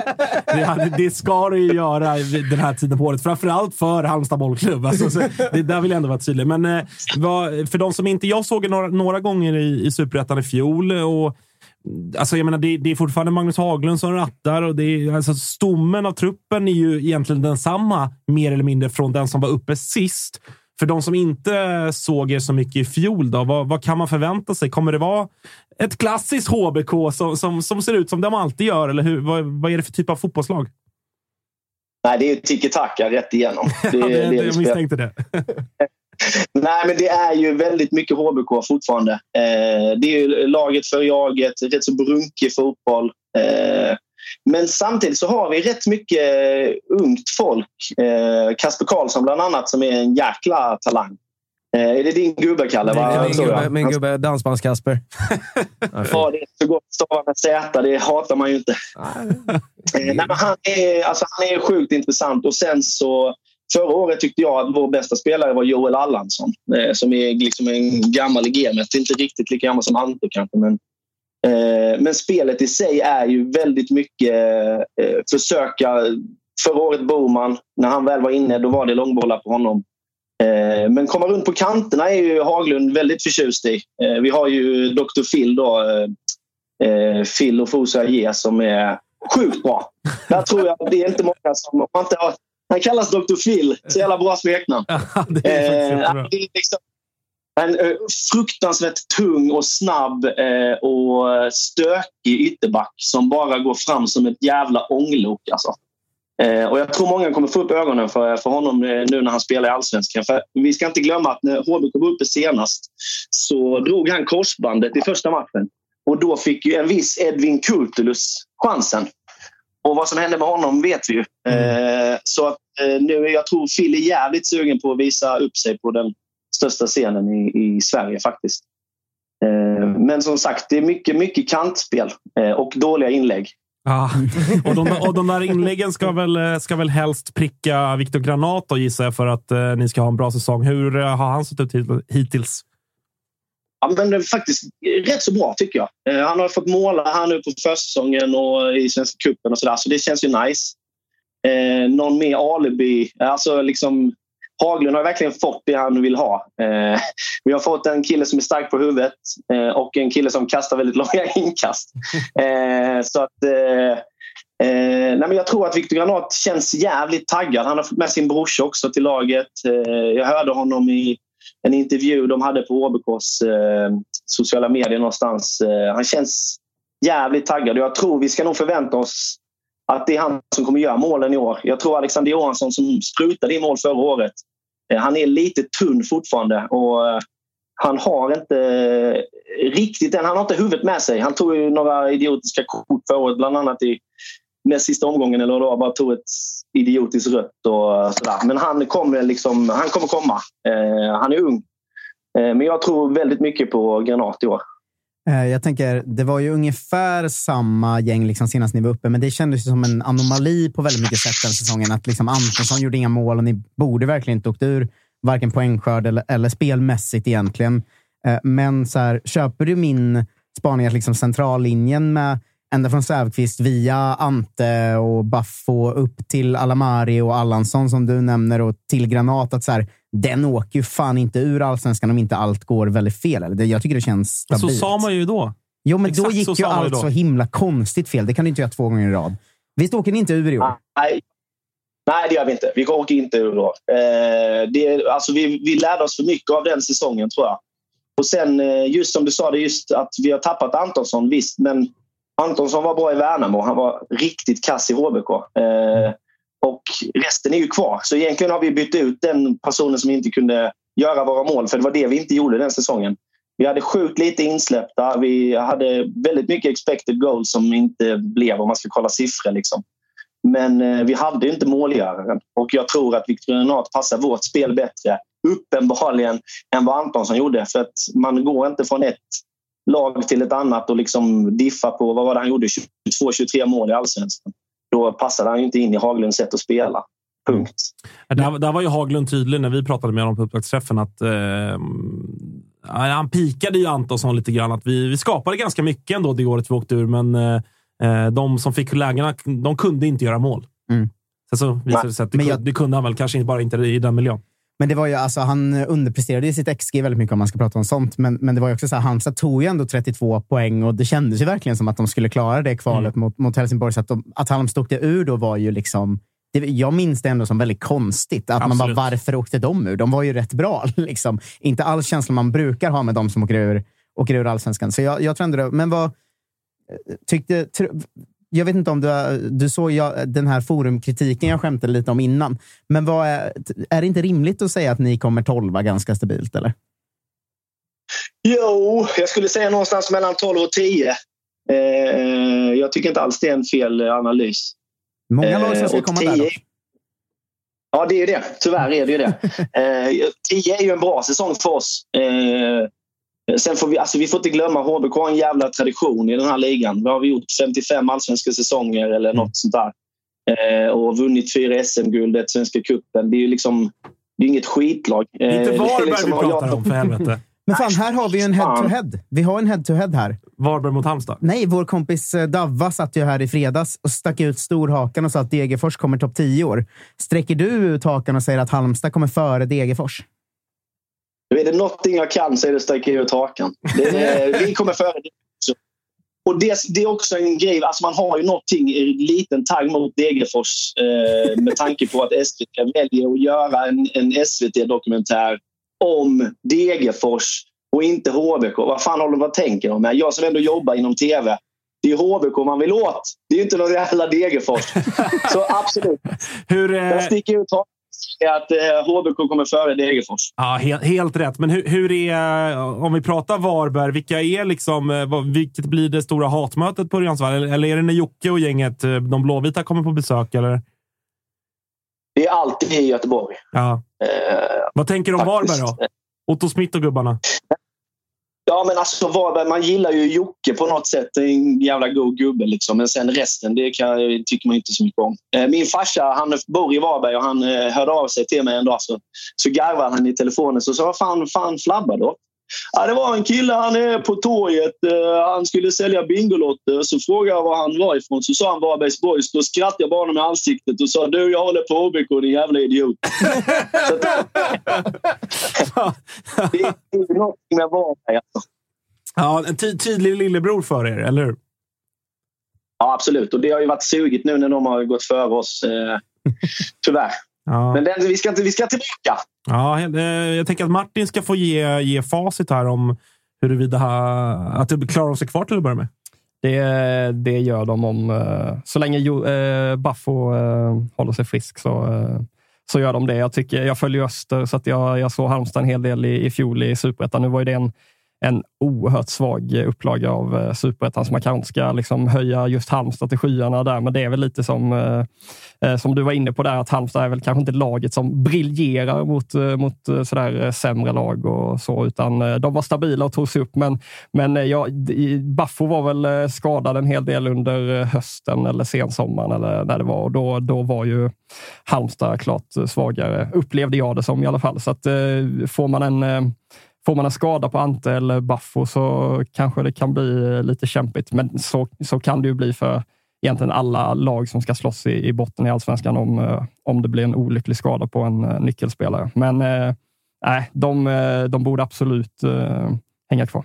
Men det är ändå roligt tycker jag, både Niklas och Martin, alltså, när man pratar om botten och så, och så pratar vi om BP som, ja, du, du sa att du, du har nog aldrig varit med om en så tydlig jumbo på förhand. Jag har dem som jumbo, all varenda jävel har BP som jumbo. De kom ändå, vadå, sex poäng före er i Superettan i fjol. Medan Halmstad känns det som att där är alla väldigt säkra på att de klarar sig kvar. Är, är det bara liksom historiken och det anrika med HBK i jämförelse som spelar in där, eller? 100 procent att det är historiken. Så känner jag efter alla de här åren jag har bott i- Stockholm till exempel. Alla lag älskar HBK och man vill alltid åka ner. Alltså, den här sommarmatchen, åka på borta, eh, möta HBK liksom i juni. Eller, du vet, så här, man åker till eh, Tylösand och Gärda, Gärda. Man hatar ju sådana människor rätt så mycket om man är från Halmstad. Ja. Eh, men det är liksom som du säger, det är ju historiken. Det är ju allting det handlar om och därför så vill man ju att HBK ska vara med i, i allsvenskan. Så därför tippar man ofta HBK lite högre av hjärtat. Liksom. Och det är ju det som HBK har gjort lite fel de här åren. Att man börjar tro på de här förhandstippningarna och bara vi är bättre än vad vi faktiskt är. Och sen skjuter vi oss själva i foten. Kolla bara kvalet mot Helsingborg. Jättebra första match och andra matchen var liksom katastrof. De, liksom, de sprang ju sönder oss. Mm. Eh, så det, det är helt rätt där. Det är liksom bara historiken. Men eh, tippar man med hjärtat, som man tyvärr gör ofta, eh, samma som Kalles fantasy, där är ofta mycket hjärta. Och då är det ju liksom bara in. Då är det ju då är det klart att vi håller oss kvar och kommer före Degerfors då bland annat. Eh, på tal om historik, eh, jag tänker Janne, Jensa, Ante, Siad, Isak Pettersson. Har ni något gött vi kan komma och hämta i år, eller? oj, oj, oj. Jävla Norrköping. Eh, De försökte med Buffalo. jag tror... Ja, ja, fy fan. Det är också en följetong. Det är, men är som du säger där Martin, bara för flika. Jag ska svara på din fråga Tapper, men eh, att Buffo är på något sätt vår MVP i år. Eh, och det är kanske inte för att han är den bästa spelaren eller vad han nu är, men han inför ju någon slags trygghet till Ante som Ante sen förmedlar ut till resten av laget.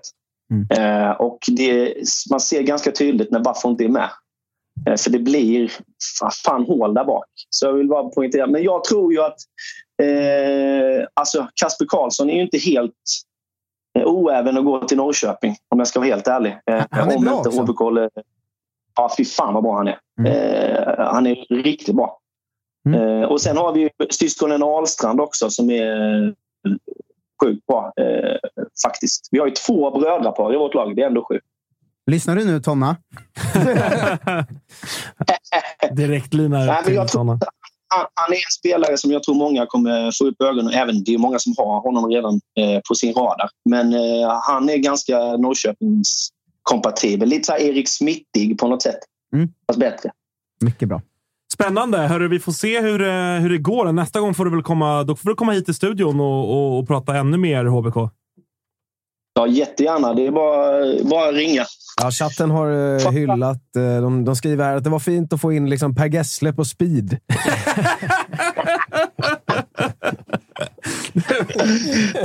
Fan, det är något som aldrig går ur en. Det är den här jävla dialekten. Det vet ju du också, Kalle. Du är från Jag vet Vetlanda. inte fan. Det- Jag, det- ja, jag vet inte. Kalle Den, den var för nog att- värre förr alltså. Men ja. Men Per Gessle är väl halmiga? Ja, precis. Vad tycker du om Per Gessle egentligen?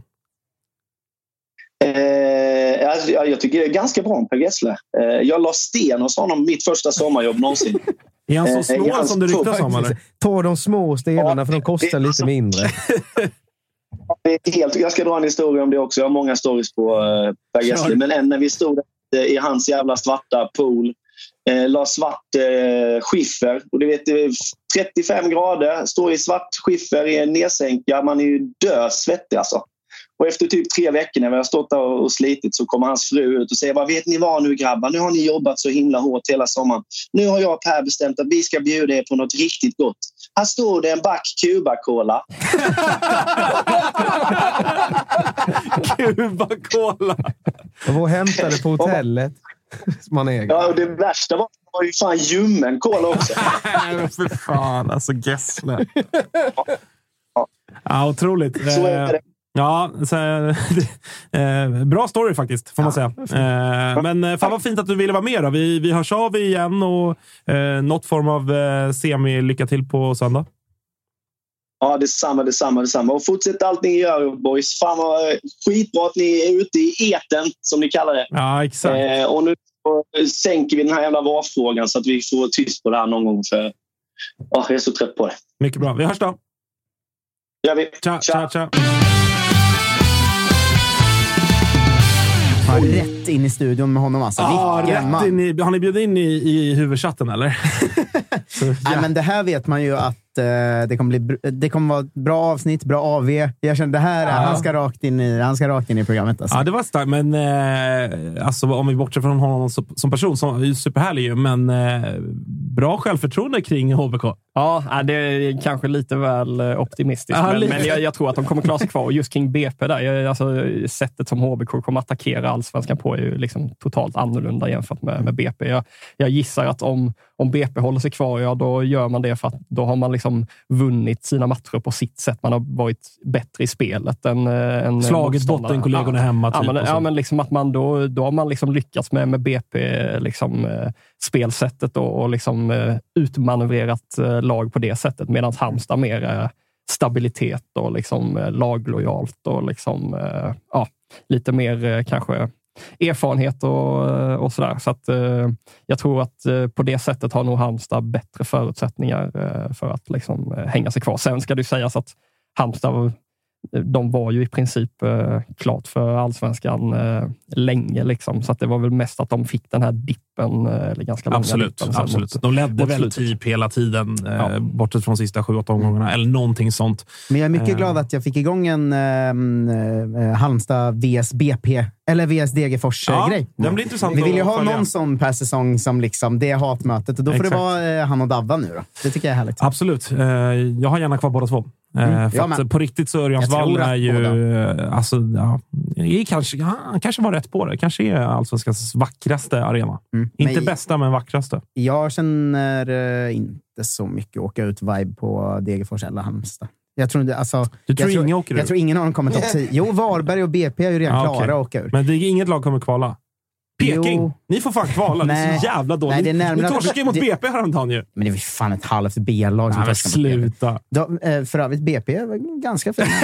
Eh, men, nej. Eh, men Blåvitt är närmare kval, vilket räddar oss då. Sirius får kvala. Det har vi redan slagit fast. Okej, okej. Ja, vi, vi får se helt enkelt. Eh, hörni, jag tänker sista tio, vi kan ta lite eh, deadli- deadline day som ändå är imorgon. Fotbollskanalen sänder. Gå in och kolla på det om ni inte har någon, något annat för er. Eh, Martin, vilka lag spontant eh, känner du sådär, de här borde nog förstärka? Eh, borde vet jag inte, men Malmö FF verkar ju uppenbarligen vara ute på marknaden och, och eh, titta Snackar du om någon Mr X? Ja, men det är ju eh, ja, dels då eh, min kollega Andreas Sundberg eh, avslöjade i dagarna att de, de försöker få in Saman Ghoddos eh, innan eh, deadline här och inte bara eh, i sommar då när hans kontrakt går ut, utan ja, att de jobbar på det. Men då när vi skrev om det så, så skrev väl Andreas då att, det var en, att de var en bit i- ifrån varandra, parterna. Och sen så kom ju schweiziska Blick då med Skelkim Vladi. eh, Ja, vad, vad har vi på honom? Andra ligan i Schweiz läste jag bara. 22-åring tror jag. Forward, 12 mål på 15 matcher. Eh, ja, det... Jag vet inte. Vad ska man säga? Men väl, väldigt tydligt att det är ju ett, ett komplement eller ett, ett, ett alternativ till eh, Kiese. Både liksom i, i, i spelare så, men i spelartyp kanske framförallt. Att man, man, man eller Rydström eh, vill ha in någonting mer mobilt och någonting mer rörligt. Ja, exakt det vi skrek om, i, eller framförallt jag skrek om i vårt Malmö FF-avsnitt. Ju. Eh, så att, eh, han har väl lyssnat. Mm. Ja, och sen eh, Blåvitt lär väl ändå utforska möjligheter med... Vad tänker du Spelarna. kring, kring Blåvitt i år? Vad, vad, ska, vad ska man tro? Men, Nej, jag mest eh, liksom... De står utan tränare. Liksom. Vad- eller utan tränare, men de interimtränare. Jag trodde att liksom... För vi fick ju uppgifter som vi skrev om i höstas om att de ändå tittade över marknaden då och att liksom därför kunde Stare eventuellt hänga löst. Och uppenbarligen så gjorde han ju det i och med att han eh, rök eh, så pass tidigt som han gjorde. Och då kan man ju känna att har man ändå liksom varit där och nosat på något vis som klubb så eh, jag trodde ju liksom att de hade hade någonting som ändå var relativt ja, nära, eller ja, nära och nära, men att man hade case som man jobbade med när man gjorde sig av med Stare. Jag vet inte, hur länge ska de köra på med, med de här tränarna? Det, ver- Hamrén- det, det, det verkar Hamrén de är inte ledig själva nu. veta. Ja, just det. Eh, nej, men det jag tänker med Blåvitt är att det är, så här, det är en vinter som man, man utifrån, man har inte koll på allt för man följer inte så nära. Men det är många beslut i vinter som man känner är svåra att ta in. Alltså att, dels att de inte nu sparkar Stare tidigare, om de nu ska göra det. Att de lånar ut Kalle Johansson, som enligt alla oss andra är deras bästa mittback eh, här och nu. Eh, att de värvar in spelare som de ska satsa på där två av tre är skadade, typ. Och Tronsen kommer inte vara redo till allsvenskan. Och, och, alltså det, det är många beslut som känns eh, röriga. Och jag, jag vet, vi hade med Micke, tror jag det var, vi pratade om det med i slutet av hösten. Hur, hur det funkar med den här sport... eh, Nej, det var med Mild kanske. Till och med. Ja, Håkan men, men, men med den här sportgruppen. För att eh, det känns rörigt och konstiga beslutsvägar alltid när ett lag jobbar med sportgrupp. Och jag tycker att den AIK här... har ju sportgrupp. Ja, jo. Åh fan. och IFK Norrköping har också haft det under liksom, den sämsta perioden. Men, men, men jag tycker att det är mycket beslut man känner den här vintern är konstiga bara. Och jag undrar, så här, vem, vem tar dem? Och kan de ta vissa beslut för snabbt själv? Eller är det för lång process så att de kan missa vissa spelare de kanske vill? Alltså, jag vet inte, det känns bara som att det tas konstiga beslut och det är rörigt. Och jag skulle jättegärna vilja ha mer, mer insyn i det där. För att vi känner man att den här vintern är konstig från IFK Göteborg. På, på inte bara ett sätt, utan tre, fyra sätt. Liksom. Ja, och det blir lite jobbigt för dem nu. För att jag, känslan är ju att de eh, har, tycker att liksom, vi kanske borde spetsa truppen eh, någon, med någonting till. Eller de har i alla fall öppnat för att värva någonting. Och har de då inte sin nya tränare på plats heller, då, ska de liksom, då riskerar de att ta in någon som sen den eh, tränaren inte vill ha. Då. Alltså, så, liksom, den risken finns väl alltid. Liksom, men, men, Men de har ju eh, kanske det, det- det, blir lite, ja, det är lite rörigt bara. Liksom. Jag, alltså jag kan inte förstå att de har kanske det mittbacksparet som har sett rörigast ut av alla allsvenska lag på försäsongen. Och så sitter Kalle Johansson på ett lån i Danmark. Alltså jag förstår Nej. inte. Men jag, vet jag, vi om det? Var, var det liksom Stares beslut eller var det klubbens beslut att han skulle lånas ut? Eller Det det har liksom? snackats om var väl att eh, han, de värvade in eh, Carlén och Hausner och sa att de här två ska spela mittback. Eh, och då Ja, var det att Kalle hastigt och lustigt så. Okej, då får inte du plats. Typ. Ja, exakt. Och att Kalle själv var... Så tolkade jag det som i alla fall. Att eh, Jocke får väl komma in och rätta oss. Han kommer på onsdag. Eh, Men, Ja, vi får fråga honom allt det här på onsdag. Ja, men exakt. Men, men så som jag tolkade det var det att Kalle kände lite så här, vad fan ska jag, ska jag sitta på bänken Mm. i IFK Göteborg? Jag är 29 bast. Då vill jag dra ut och testa Mm. på någonting. Sen så testa på så blev det i Danmark. Det är halvdeppigt i sig. Men, men vad fan, det är bättre än bänken i Blåvitt i alla fall. Men jag håller med. Jag tycker också att det är, att det är konstigt. Hammarby då? Det är ett lag som eh, ja, men, gjort sig av med många spelare. Jonas Dahlqvist satt här och har fått skit för det, för att han menar på att man måste plocka in 6-7 spelare. Man har väl plockat in visserligen typ 4-5. Någonstans där. Hur ser du på deras truppläge? Känns det klart eller vad? Tror du att det kan hända någonting där? Alltså de har ju sagt att de är klara. Samtidigt så var de ju och ryckte i någon central forward med någon annan liksom, profil än det de har i, i laget nu, i alla fall tidigare. Sen verkar ju det liksom, spåret ha, ha svalnat då, men, men då har man ju uppenbarligen haft eh, någon form av idé att eh, där kanske vi ska förstärka. Så att, eh, ja, man vet inte om de eh, kanske överraskar eh, på något sätt, men det, jag, jag liksom det finns ju en utmaning där i att liksom de, har, de, de har den här fördelen med HTFF och de ska liksom slussa, eh, slussa in spelare därifrån. Eh, och köper man då bara in eh, massa färdigetablerade eller färdigutvecklade och etablerade spelare, liksom, ja, då, då faller ju hela den liksom, strategin. Så jag, jag förstår ju att det, det blir en utmaning när man hamnar i ett sånt läge som de har gjort nu i vinter. Att liksom, vad är det, fem, sex spelare i startelvan försvinner på en gång. Så att det gör ju att det alltid är lite, lite ovisst. Men det, ja, det är väl som alla säger om eh, Bayern, men det kan ju bli, det kan ju bli skitbra. Men Mm. det kan också bli femma, sexa. Liksom. Ja, nej, verkligen. verkligen. Ehm, AIK då? Är det, där, vad- där- kommer det hända något eller? Ja, men där har man väl också, det är väl lite samma sak där. Man har väl... eh, Liksom, Halvöppnat för, för någonting? ja, man har väl sagt på tidigare att nej, eh, men nu är vi nog klara, men att eh, skulle det dyka upp någonting. Ja, men högerback tittar man såklart på. Eh, jag tror inte att det är omöjligt att man eh, kollar på en eh, defensiv central mittfältare. Mm. Eh, I och med att man eh, valde att släppa Jesper Ceesay till Peking så tror jag att där ser man nog över. Eh, Sen i liksom vilken typ av spelare och, och liksom vilken hylla, för att prata Manuel Lindbergs språk, man kollar på. Det är väl lite oklart. Liksom. Ja. Också med tanke på hur få marknader det är som finns tillgängliga på något sätt.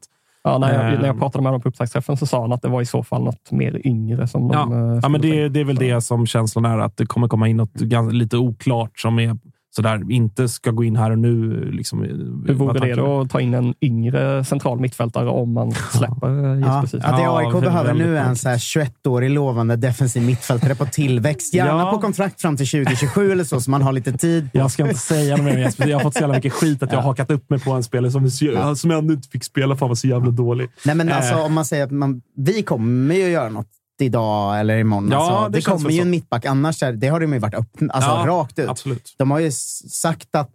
Glenn sa ju att han vill ha in tre spelare på upptaktsträffen. Det har ju kommit två sedan dess och den enda han nämnde vid position var ju mittback. Så att det är ju ganska öppet att det, det kommer hända någonting. Sen så blir det Colli på ett lån, då är det alltså vänsterback, mittback, högerytter, vänster. Då är det minst fyra i startelvan som är lånespelare och det är ju... Det har man ju nästan inte sett i ett lag. Är som det här Arkiv X? men det har man ju inte sett i ett lag som har jag vet inte, den pass liksom, nutidshistoriken och storleken Nej. och kassan som IFK Norrköping har. Alltså, det, det har man ju inte sett, eller?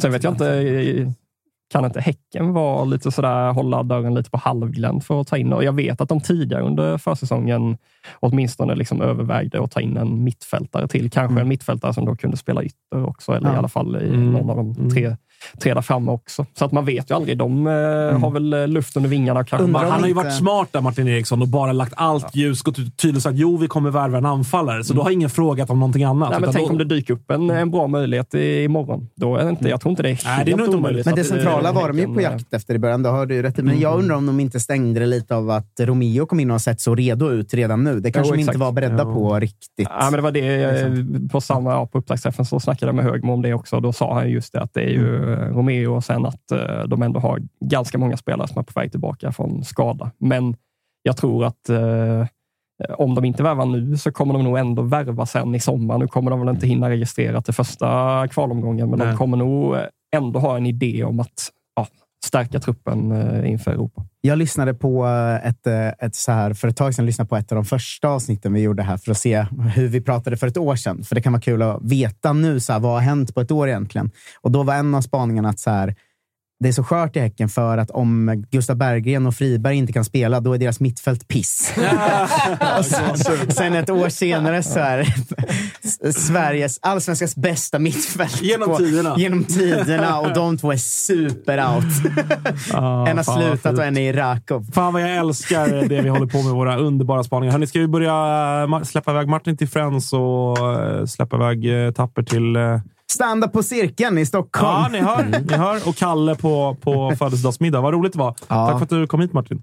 Jag måste ju eh, också göra reklam för Kör. att jag ska upp på scen eh, imorgon. Eh, Lund live på Södra Teatern. Så det finns några få biljetter kvar eh, om man vill hugga en. eh, Fler här. gäster? här i Stockholm. Ja, det är eh, Bosse Andersson, Andreas Brännström och Kennedy Baxoglu som, är, som intervjuas av eh, Olof under först en timme och sen kör vi lite eh, som en andra halvlek. Och sen i Göteborg på, vad blir det, onsdag. Eh, Pontus Wernbloom och Erik Friberg gäster. Så då avslutar vi hela turnén och det kommer bli eh, en bra show. Eh, Biljetter på... Eh, Fotbollskanalen, gå in där och titta. Hittar man info där. Ja. Det blir, ingen, det blir ingen dålig efterkaka med Friberg och Wernbloom. Du. Nej.